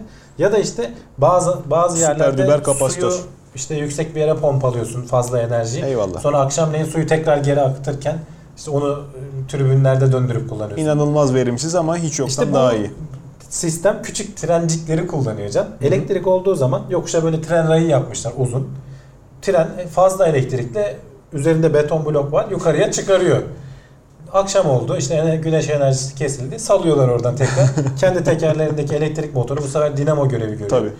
Suya göre bayağı daha verimliymiş yani %80 oranında falan biz verimlilik sağlıyoruz diyorlar. Ama mıknatısların ömrü şey değildir. Ee, İşte o bakım vesaire falan zaten Hı hı. onu test ediyorlar şimdi. Çünkü bunun işte tekerleklerin aşınması vesairesi bin türlü ayrıntısı var. Bilya üstünde gidecek o tabii. Ee, yani ilginç bir sistem ama evet sonuçta evet. Düşünce olarak hani güzel. enerjiyi depolamanın işte sadece pil gibi düşünmemek lazım. Pot, işte sen elektrik enerjisini potansiyel enerjiye çeviriyorsun. Dağın başına bir şey çıkarıyorsun. Sonra ihtiyacın olduğu zaman onu salıyorsun aşağı geri geliyor. Alternatif enerji örneklerinden belki en güzeli. Otomotiv için söylüyorum. Ee, en güzeli hemen konsepti gösterilir gösterilmez ıskartaya çıktı. Zemberek. Hı. Şimdi bizim yaşımız yeter. Ee, izleyicilerimizden Yeni de hatırlayanlar oyuncaklarda da var canım. Kuruyorsun. Var mı? Tabii tabii. Ha, kurmalı oyuncak işte bizde vardı. Kuruyorsun, kuruyorsun, kuruyorsun, kuruyorsun. İçerideki zembereği sıkıştırıyorsun. Ondan sonra koyunca oyuncağı, o oyuncak o senin yüklediğin enerjiyle bir müddet gidiyor. Bunu arabaya yapmışlar. konsept şuydu. Arabanın ön tarafında kocaman veya işte neresindeyse zemberek ama arabayı götürecek kadar zemberek. Güçlü zemberek. Ha, gidiyorsun onu arabanın todosunu mu artık burnunu mu dayıyorsun kurma şeyine. O orada elektrik motoruyla sabit şey. Hızla kuruyor onu. Ondan sonra alıyorsun arabayı 50 kilometre mi 100 kilometre mi sistemin izin verdiği ölçüde geziyorsun. Zemberek çok da çevreci. İşte o yayın metal yorgunluğu izin verecek kadar 30 sene mi 50 sene mi problemsiz kullanacağın şekilde de harika e, güç kaynağı ama problem e, çizgi film efekti vardır ya zemberek saat kırılınca cımoing diye içinden Kaza anında fırlayıp yay fırlar. O yay benim kadar olduğu zaman fırlamasının Riskli. pek hoş olmayacağını öngördükleri için o sistem hiç hayata geçmemiş. E işte yani güvenliği de öyle şey yapacaksın. Aynı şey işte. İşte Belki burada ama mesela gelecekte benzerini kullanırız. Suyu pompalama diyorlar ki bu sistemin avantajlarından biri her yerde su yok. Yani onu dere kenarı veya işte bir göl möl vesaire olacak ki onu yüksek Ama bir her yerde tren rayı var diyorsun. Ama işte evet rayı boş bir arazi bulduğun sırada burada da alan lazım. Tabii. Ya Bir de yokuş lazım tabii. Yani. Böyle yüksek bir yer lazım. Gerçi suda da o lazım. Oraya döşüyorsun rayı. Yan yana hatta böyle şeyler yollar Yokuşa yapıyorsun. sürüyorsun. Yukarıya park ediyorsun elektrik olduğu sürece. Sonra ihtiyacın olduğu zaman da geri alıyorsun. Güzel güzel. İlginç bir sistem. Evet. Evet. Bir taraftan da işte e, yine kürenin güzelliği açısından araştırmalar deniz suyunun mikroplastik partiküller tarafından hızla kirlendiğini Evet. gösteriyor. Yani biz şimdi hani hep konuşuyoruz denizlerde işte bir sürü plastik çöpler vesaireler birikiyor falan. Onlar görüneni. Çözünüyor. Deniz Evet. dünyanın her yerindeki denizlerden tuz örnekleri almışlar can. Hmm. Tuzun içinde mikroplastik denilen hakikaten gözle görülmeyecek kristal şeklinde plastik parçacıkları var ve bunlar her yerde var. Hani Amerika'dan, Çin'den, işte Akdeniz'den her yerden alınmış bu örnekler. Ee, ve kurtuluşu yok. Hani geri dönüşü yok. İşin kötüsü şey de diyorlar. Bunun insan sağlığına zararını da test edemiyoruz. Çünkü bu mikroplastiklere maruz kalmamış insan, İnsan yok. yok tabii. Yani kontrol grubu yok önünde. Yok. Ne zararı var ne farklılık oluşuyor. Test de edemiyorsun. Ee, bunun önüne alabilecek bir şey de yok. Çünkü plastik o kadar çok hayatımıza girdi ki. Yani denizlere atmayalım falan vesaire demenle de olmuyor. İşte bir şekil onun küçük içindeki o mikro parçacıkları bir şekil şeye suya karışıyor. Bugüne kadar atılanlar yetecek. Önümüzdeki Tabii bugüne kadar sene. atılanlar Tabii. yetecek veya işte tonlarca yani. Ee, 2013 yılında Amerika'da yapılan bir araştırma var. Bisfenol A diye. Hani Hmm. duymuşsundur zararlı olduğu BPA vesaire falan. bütün BPA içermez falan Tabii. derler çocuklar için. Ee, %95 oranında Amerika'daki nüfusun %95'inde ölçülebilir miktarlarda idrarlarında rastlanmış. ya Yani herkes buna bir şekilde maruz kalıyor. doğru. Ee, ne yapılacak bilmiyorum. Hani bu alarm zillerini çaldırıyor ama İşte bir taraftan çözüm de yok işin bir çevreyi yandan. hızla kirletirken bir taraftan da tıbbın onu yakalayıp kafa kafaya gelmesini ümit ediyoruz. Evet. Yani başka Bilmiyorum, belki de çare hani yok. kontrol grubu olmadığı için belki de zararı yok. Bilemiyorum. Ha, Hani belki de faydalı şifalı bir şey diyorsun. Faydalı da olacağını Oh, zannetmiyorum. plastik, Hani plastik. doğal olmayan bir şey sonuçta ama belki de mutlu mesut yaşayıp gidiyor. Bakarsın yeni keşfettiğimiz sistemle DNA'mızı kalıcı olarak değiştiririz. Plastikte vücuda Olur, faydalı evet. batnacila efendime söyleyeyim. İçince iyi gelen bir şeye dönüşür. Programın başlarında bulunan bir tablet, 3700 yıllık bir e, tabletin üzerindeki trigonometrik karalamaların insanoğlunun bilinen matematik, tarihine tarihini değiştirmişti. müdahalesi bahsi olmuştu. Şimdi de ayak izi. Evet. İnsanoğlunun evrimi, gelişimi süreci için e, yapılan varsayımların, kuramların Ya Can şimdi şeklini biraz değiştireceğe benziyor. Evet, e, Yunanistan'da bir ayak izi bulundu. 5.7 milyon yıl öncesine ait olduğu ölçülüyor işte Yani. tekniklerle. Şimdi bu ayak izinin önemi şu. Şimdi maymunlarda bilirsin bizim ayaklarımız baş parmak diğer parmakların değil de elini göstermek Ya ne işte kadar yanlış işte oldu. Şöyle yapayım anlasın. Peki. Baş parmak diğer parmakların yanındadır. E, bu yürümeye olanak sağlar. Hani koşmaya Hı hı. vesaireye şey yapar. Maymunlarda bu baş parmak açıktır. Dallara tutunmak için el gibidir yani onların Tabii. ayakları. İşte bizi insanla maymunun hani en temel ayrıştığı şeylerden biri bu. Bu şimdiye kadar işte yanlış hatırlamıyorsam e, en eski bulunan işte 3.4 milyon yıl, 4.4 milyon yıl öncesi falandı ve Afrika'daydı. Hani hep anlatılan bize e, insanlığın evrimleşmesinde işte Afrika'dan çıkıldı ve diğer yerlere yayıldı. Hı hı. Yani maymundan insana geçişin Afrika'da olduğu e, Öne sürüldü. öne Doğru. sürüldü. Ama şimdi bu bulunan e, ayak izi 5.7 milyon yıl öncesine e, Yunanistan'da bulunduğu için e, acaba diyorlar insansılar e, daha önce ayrışan insansılar Avrupa'da vesairede falan bulunmuş olabilir mi? Yani bu tabii ki henüz çok yeni bir bulgu. Bunun üzerinden bayağı bir sürü bir şey araştırılacak. Bunu destekleyen başka şeyler de var. Başka kemik parçaları vesaireler falan da bulunmuş. Onlar soru işareti oluşturuyor. Ee, belki hakikaten insanlığın evrim tarihi tekrar bir yeniden yazılma sürecine girebilir. Eh. Ama zaten hani bu da bilimde böyle işliyor zaten. Yani Bak. yeni bulduğun şeylerle Heh. Bu elindeki kültürü sindirmek şey yapıyorsun. lazım. Hiçbir şey katı kural değil. Değil değil tabii. Bunu katı kural diye öne sürmeye çalışmak zaten. Ya, ne bileyim Şu an bağnazlık. bildiğimiz elimizdeki verilerle bu. Çalış. Değişiyor. O elindeki veri değişiyor. Yeni Öyle. bir şeyler geliyor. Öyle. Belki bu yanlışlanacak. o da Aksini, var. Yani, tabii tabii. Aksini ispat et. tabii. İşte kaz. O kadar jeoloji bölümümüz var. Ee, jeoloji değil de. Neydi? Kazıyorlar can. Yani Arkeoloji bölümümüz var. yapıyor dünyada. Canım daha çok insan yapsın. Daha çok. Hafriyat için kazmasınlar oraya. Yazlık site yapılacağına. Otursunlar, tarih araştırsınlar. Ee, bu kadar insan işsiz gezmesin. Onlara da istihdam olsun. En nihayetinde işte bu bilimsel e, kültür bizim de içimize sindiği zaman herhalde çok ciddi bir merhaleyi biz de atlayacağız. Muasır medeniyet seviyesine doğru. Ee, bakıp da hani bu katı kural değil. Bunu söyleyen adamlar da bunun katı kural olmadığına inanarak söylüyor zaten. Bizde tartışmanın sebebi çıkıyor. İşte vay bunlar bir de ispat et. Adam diyor ki senden sen çalış. Sen oturuyorsun diyorsun ki böyledir böyledir. Böyle değildir. Bir şey koy ortaya argüman yok. Sadece oturduğun yerden konuşmakla olmuyor. Çalışmak lazım. İşte bir taraftan da insanoğlunun e, düşünce yapısının, beyin algoritmasının derinliklerinde e, enteresan sırlar gizli. İşte bir şeylerin e, kurgu üzerine olacağı ne bileyim bir böyle perde arkasında bir şeylerin çevrildiğine inanma eğilimi Komplo teorileri aslında. Ha, Neden yani. inanıyor insanlar? yani hatırı sayılır bir gerçeklik e, göstermiş ki bu da tartışma konusu olmuş. Ya böyle bir yazıya denk geldim. Güzel anlatmış adam. Yani hatta başından geçen bir olay anlatmış. İşte bir maç çıkışı birilerini konuşurken duymuş. İşte maçı güzel değerlendirdi adamlar diyor. Gayet makul işte önermeleri ve cevapları vesaireleri Bence vardı. kesin var ya öyle değil. Bunu yayınlayan başka biri. Olabilir. Başka bir bilemem. güç var arkasında. Ee, sonra adamlar kendi aralarında şey konuşmaya başlamışlar. Bir gazeteden konu açılmış. Ya işte hiç Amerika Ay'a gitmedi. Onlar hepsi işte e, şeydi. E, Tabii. kurmacaydı vesaire falan. Ve Aslında Ay bu Amerika'ya aralar geldi. biz de Türkiye'de de konuşuyor. Dünya düzdür hikayesi Hmm. vesaire falan. Dünyada da bunun bayağı şeyi var. Yani Var var. işte adam bunu niye böyle bir şey olabilir? Çünkü insanın hani bizim evrimleşirken şey yaptığımız işimize yarayan mekanizmalardan biri burada ters çalışıyor. İşte her yerde bir şey bulmak. Ee, hani bir ara konuşmuştuk ya e, bir bir patern bulmak yani bir düzen bulmak her şeyde böyle gördüğün düzensiz bir şeyde bile bir yüz görüyorsun sen. İşte bulutta koyun görüyorsun vesaire ne bileyim işte bir şey görüyorsun. Yıldızlardan hemen birleştiriyorsun. İşte ayı figürü çıkıyor, aslan figürü çıkıyor, yok kılıç çıkıyor, Orion vesaire falan filan. Bir de onların üstüne hikayeler yazıyorsun falan alıyor başına gidiyor onlar. Çocuklar da dinliyor. Yani bu insanın işini normalde doğada çok kolaylaştıran bir şey. Çünkü sen eksik bilgiyle bir hızlıca bir şeyi sonuca ulaşıp öngörüp aksiyon alabiliyorsun. Bu yanlış da olsa sana bazen zarar vermiyor. Çoğu zaman da seni kurtarıyor. Ulan orada Doğru. kaplan mı var mı acaba demeden kaçıyorsun aslında. Tabii. Yani bir ses duyduğun zaman veya bir şey gördüğün zaman. İşte burada komplo teorilerinde tersine çalışıyor. İnsanın gene bir başka şeyi sosyal bir varlığız can.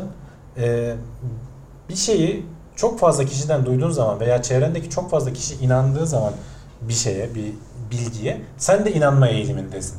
Yani insanda işte grubun dışında kalıyorum. Hani hep şey vardır ya bu National Geographic'te falan veya belgesel kanallarında çok garip böyle sürü psikolojisi testleri Hmm. vardır adam işte Evet evet. Doktor randevusunda beklerken düdük çalınca herkes, Herkes ayağa, ayağa kalkar. kalkar. Evet. Sıfırdan yeni gelen adam bile ayağa kalkmaya başlıyor bir süre sonra. niye ayağa kalkıyorsun? Tabii. Yani. İşte bu da burada da öyle bir etki var. Yani bir bilgiye ne kadar yanlış veya doğru olduğu önemli değil. Hani e, bilimsel anlamda bunun etkisini tartışmıyorsun. Ne kadar çok kişi inanıyorsa senin de ona inanma eğilimin artıyor. Bilmiyorum belki Artı- de tabii. Bir, bir başka daha şey var. E, teyit e, yanlılığı diye. Hmm. Ee, o da nasıl çalışıyor? Gene bu hepimizde var olan bir şey. İnandığımız bir şey hakkında doğrulayıcı bir e, veri geldiği zaman ona daha hızlı sarılıyoruz. Onu daha hızlı kabulleniyoruz. Onu yanlışlayan şeyleri de göz ardı etme eğiliminde oluyoruz. Bunu en çok işte politika tartışmalarında görürsün. Evet, Televizyonda evet, izlerken evet. senin fikirlerini savunan bir adam aa ne kadar doğru söylüyor dersin. Hatta o kanalı daha çok izlemeye başlarsın. E, Bizim ülkemizde de öyledir ya bazı kanallar Evet. tam gruplara hizmet Tabii canım, edecek tabii. şekilde çıkmış zaten yani. Aksi iki taraf için de var. tahammül edememek zaten en büyük Çünkü sıkıntı ya. rahatını bozar Tabii. senin psikolojik olarak. İşte Yok, bunların basit tartışma hepsi- için de politikaya girmeye gerek kalmadı. e, komplo teorilerine şey yapıyor. Ve bak bilim insanları da bundan f- f- ayrışmıyorlar. Mesela e, Carl Sagan'ın şey Richard Feynman'ın güzel bir şeyi var. E, Millikan elektronun e, yükünü ölçmüş ama bir hesap hatası yapmış. Bir yerde bir eksik şey yapmış. Ondan sonra gelenler aynı şeyi ölçtüğü zaman hep ufak ufak arttırmışlar değeri. E, diyor ki Feynman niye diyor doğru ölçüyü bir anda bulmadık diyor. Yani ufak ufak arttırma. Ya. Çünkü kendinden bir önceki ölçen adama yaklaşmaya çalışıyorsun sonuçlarında. Doğru doğru doğru. Yani o kadar da ayrışamıyorsun. Hayır doğru rakam budur diye böyle İşte onu yapacak adam sen çok bu- az. Sen bunu dediğin zaman za- niye çok az? Onu diyen adam var. Güveniyor kendine, İşte malzemeye. hemen harcıyorlar yani. Hadi oradan diyorlar tabii. diyorlar. Gönderiyorlar. Ama işte onu deyip savunacaksın ve senin haklı olduğun ortaya çıkmıyor. Çıkacak. Ama işte onu yapmak yerine kolaycılığı seçip ya biz de bulduk aynı sonucu ama biraz bizimki biraz yüksek diyorsun. Senden sonra biri geliyor ya ben biraz daha da yüksek buldum. Riyakarlık. Herkes çıtayı doğru rakama ulaşıyorsun en sonunda. Bu bilim insanları arasında da hakikaten bu elektronun yükünü ölçme şeyi tarihsel olarak bakın diyor adam. Ee, hafif hafif artmış ta ki bir noktada durmuş. Evet. Ee, en baştaki adam bir şeyi yanlış ölçmüş. Yani az bir hesap hatası yapmış. Bu hepimizde var. Peki diyor hani bunları yıkmak için yani Hastalık mücadele edilmesi gereken Ya- bir şey yani aslında. ama işte kafamız öyle çalışıyor. Hastalık demeyeyim de yapımız itibariyle değiştiremiyoruz. Yani. Zor bir şey bu. Yani. Ama işte mesela bir insanı anlatırken e, bir de şeyler de var. Mesela e, işte mesela aşılar zararlıdır. İşte şundan şuna aşılar otizm yapıyormuş gibi önermeler insanın aklında daha fazla kalmaya ya- yatkın. Bununla ilgili yapılmış bir bilimsel araştırma da var. E, gerçeklerle önermeleri aynı anda veriyorlar. E, yarım saat sonra sorular sorduklarında insanlar e, gerçekleri şey yapıyorlar. E, mitlerden ayırabiliyorlar. Evet şunlar gerçek bilgili, şunlar mit mi?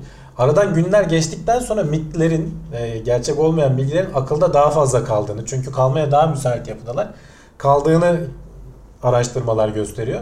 Dolayısıyla şey diyor, önerdiği şeylerden biri hani böyle işte dünya düzdür diyen bir adama sen doğrudan dünya işte şöyle düz değildir şundan dolayı deme diyor. Adama mit, miti aynı anda verme diyor. Çünkü önce bir süre sonra o aklında kalacak diyor. Doğru Veya aşılar işte otizm yapıyor ama işte şöyle bir yüzde işte bilmem kaç şu kadar yapıyor ama şunları şunları da faydaları var gibisinden ikisini bir araya getirme. Sadece doğruları getir. Onun inançlarına doğrudan negatif bir şekilde girişme çünkü Uslup. ters etki ediyor. Mutlaka savunmaya geçiyor zaten. Yani ne olursa olsun şimdi objektif olayım dersen bilimsellik e, bir yere kadar işliyor. İnsanoğlu sosyal varlık dedik ya. Şeyi de bir de Ee, son olarak şunu da söyleyeyim. söyle sonra bakalım. devam et. Ee, öner, önerdikleri şeylerden, yöntemlerden biri de hikaye şeklinde anlat. Hmm. İnsanların aklında hikayeler daha fazla kalıyor. Mega hafıza. Anlatacağın ha- şeyler e, bilimsel gerçekler hikaye olsun diyor adam.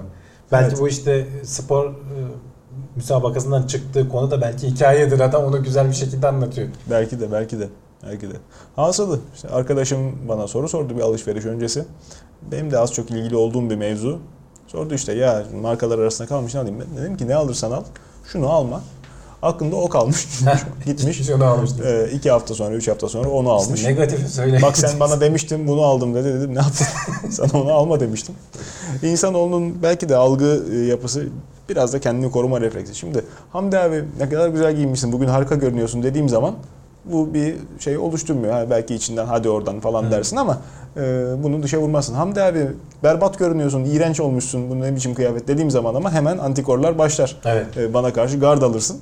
E, günlük fikirler de yaşantımızda daha da fazla oluyor yani. Günlük yaşantımızda bunun etkilerini sık sık gözlemliyoruz işte trafikte çıkan kavgalar falan. İnsanoğlunun sosyal bir varlık olduğu işte malum. Bunu kullanırken işte yapacağı stratejik adımlarla e, sosyalleşmesinin ömrü uzattığı Evet. e, gözlemlenmiş. Bu da son haberimiz bugün derlediklerimizin arasında. Ya bir TED konuşması Can.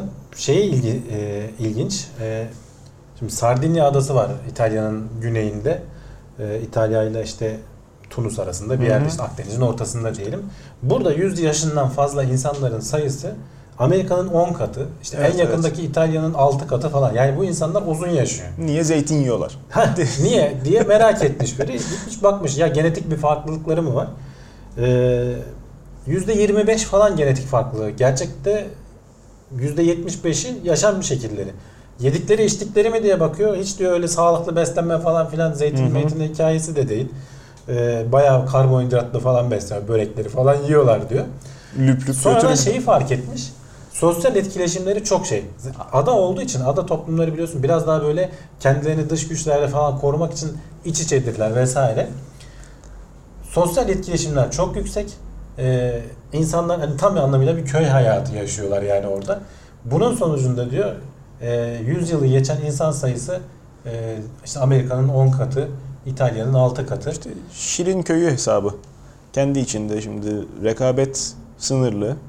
Herkes e, husumetten ziyade işte birbirine destek olma benimsediği zaman bu biraz da herhalde aileden gelen kültür. Bizde Ya, rekabet, husumet olsa bile can yani şey diyor kadının yaptığı önermelerden biri şu yani göz teması kurduğun zaman diyor biriyle iyi veya kötü işte saldığın hormonlar işte oksitosin mutluluk hormonu vesaire falan farkında olmadan diyor senin vücudunun bağışıklığını vesaireyi arttırıyor diyor. izleyicilerimizle de göz teması kurmuş olarak e, hatırlatayım. Biraz belki bizim kültürümüzle alakalı. E, hani göçebe toplumun e, meyvesiyiz ya bugün geldiğimiz Hı. medeniyet seviyesinde.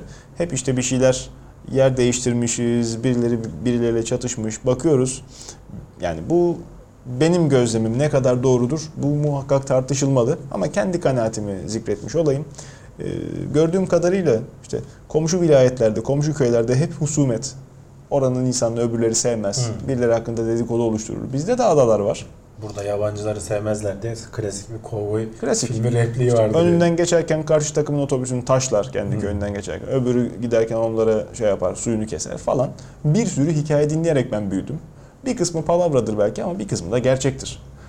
Bir temeli vardır Bakınca şimdi realist olursak da bilmem kaç neredeyse bin yıldır bu toprakları e, üstünde oturuyoruz.